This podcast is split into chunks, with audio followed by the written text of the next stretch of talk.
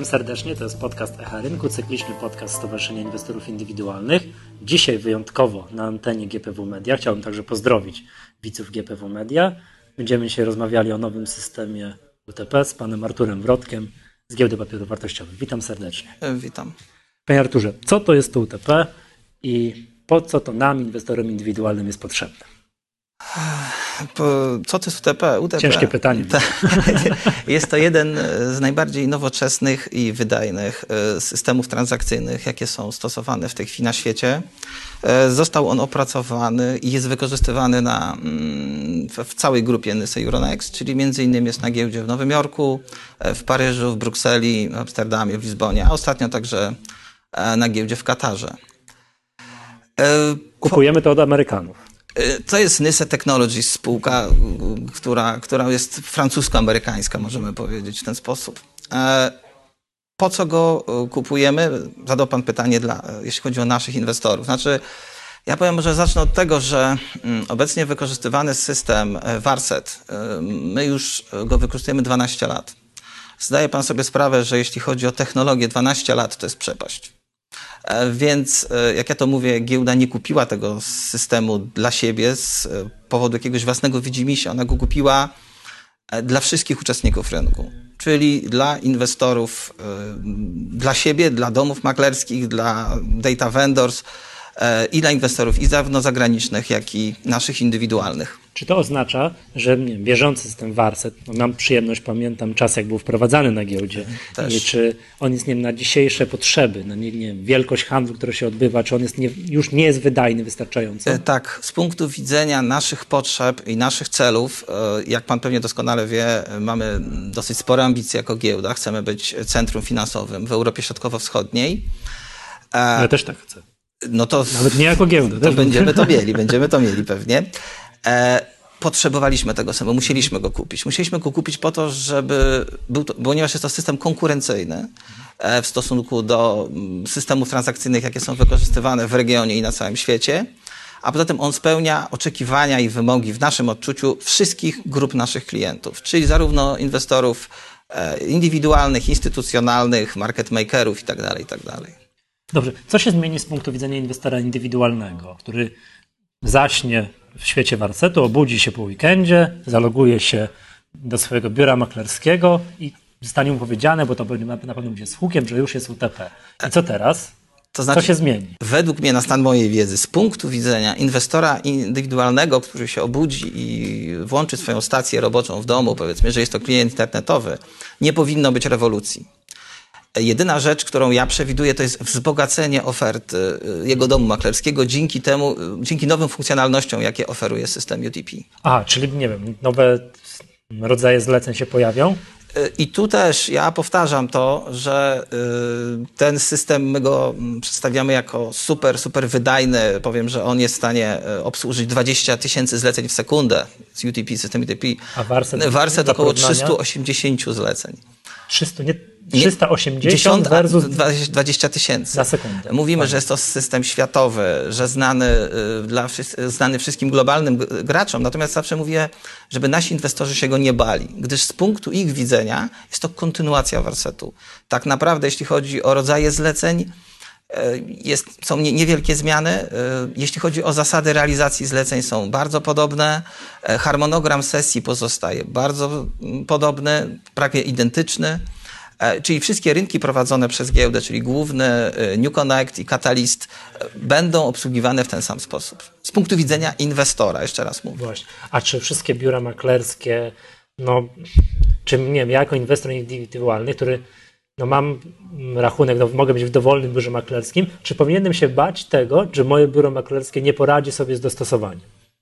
Nie wiem, i spotkam się z czymś takim, że będę miał przerwę w dostępie do rachunku, bo przez najbliższe trzy tygodnie pracownicy informatycy mojego biura maklerskiego będą walczyć z dostosowaniem do UTP. To znaczy tak, yy, myślę, że są dwa aspekty Pana pytania. Pierwszy to jest kwestia yy, gotowości technicznej yy, na dzień wdrożenia systemu Warset ze strony członków giełdy.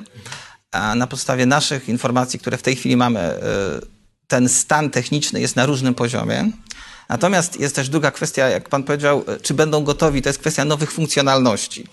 I my zakładamy, że e, nie od razu z dniem uruchomienia systemu wszystkie domy maklerskie będą od razu oferować wszystkie nowe możliwości, jakie ten system daje. To będzie wymagało czasu e, i tuż będzie to jest sprawa zależna od poszczególnych domów, domów maklerskich. Mhm. To jakie przykładowe, jakieś nowe typy funkcjonalności z, z tego czy, mojego, tak. Takiego kowalskiego punktu widzenia? Więc e, jeśli chodzi o, o te różnice... rozumie pan, każdy jest żądny nowości, to ja też chciałbym jednak, a to samo, tak samo to wygląda. Chciałbym coś nowego. E, będą. Jeśli chodzi o, o zlecenia, wprowadzamy zupełnie nowy tryb zlecenia. Jest to zlecenie PEG.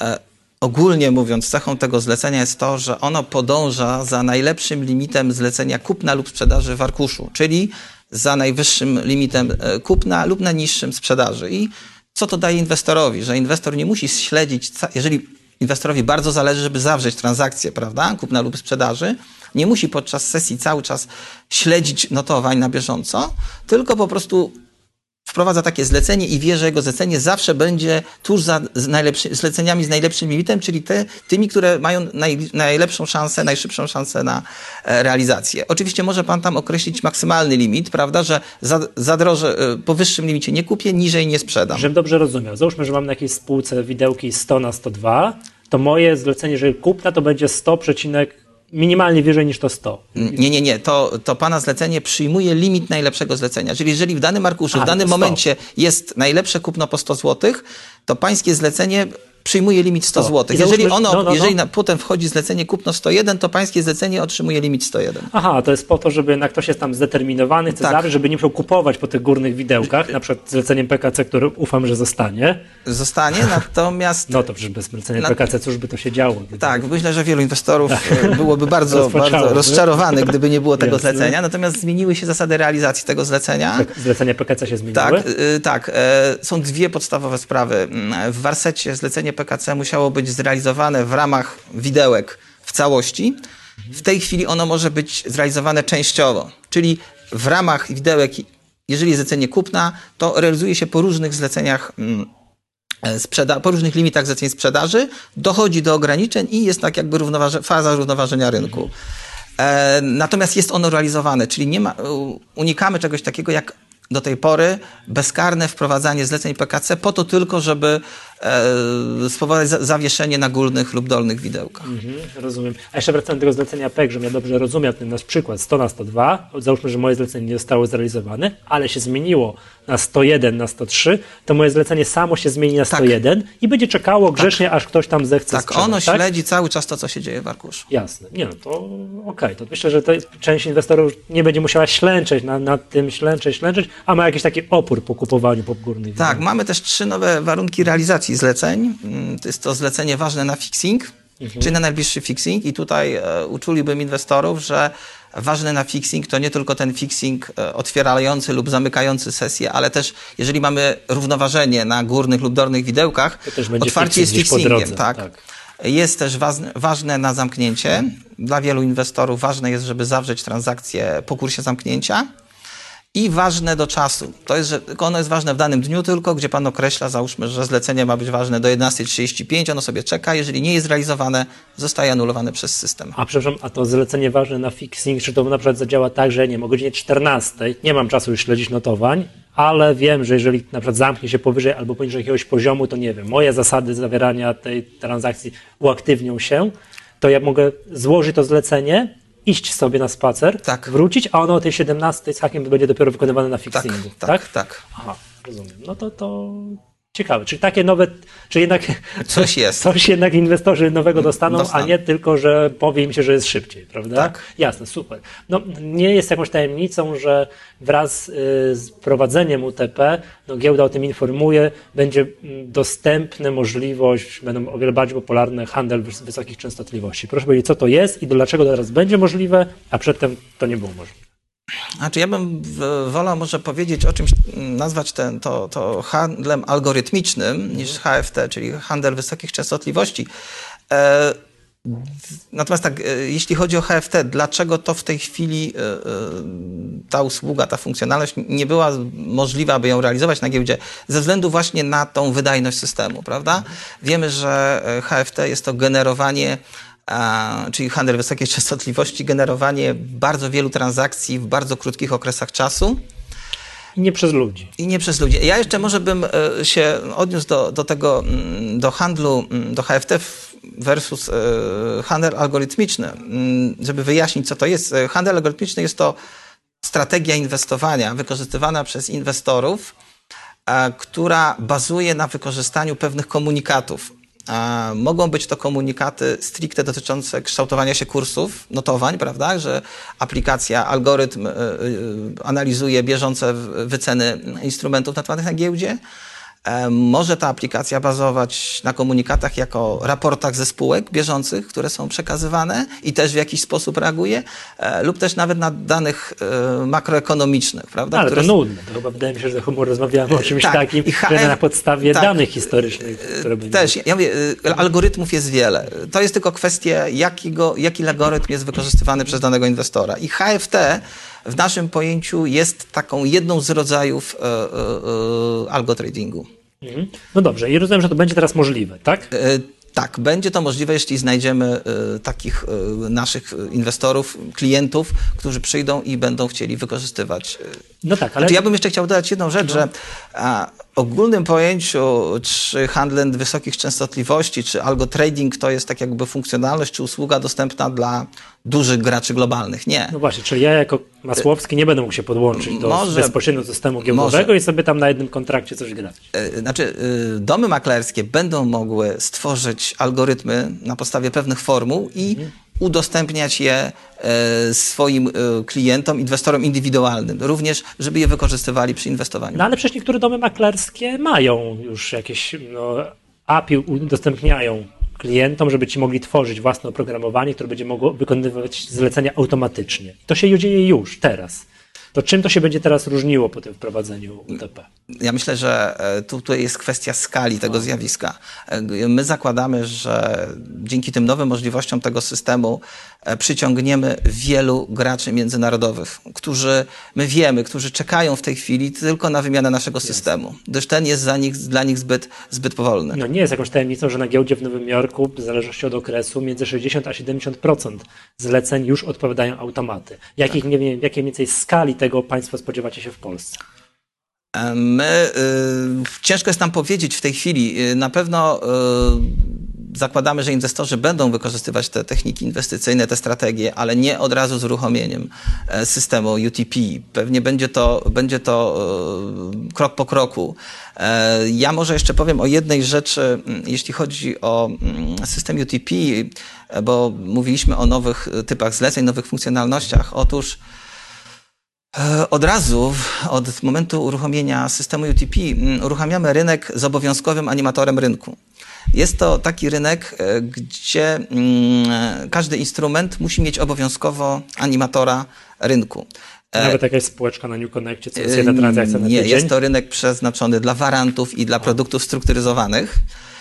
I właśnie tam już mamy e, pewnych uczestników rynku, pewnych inwestorów zagranicznych, którzy tylko czekają, żeby, żeby na uruchomienie tej platformy, żeby tam wejść ze swoimi produktami. E, ogólnie mówiąc, rynek ten polega na tym, główna zasada jest taka, że transakcje zawiera się tylko wtedy, jeżeli w arkuszu zleceń obecny jest animator rynku.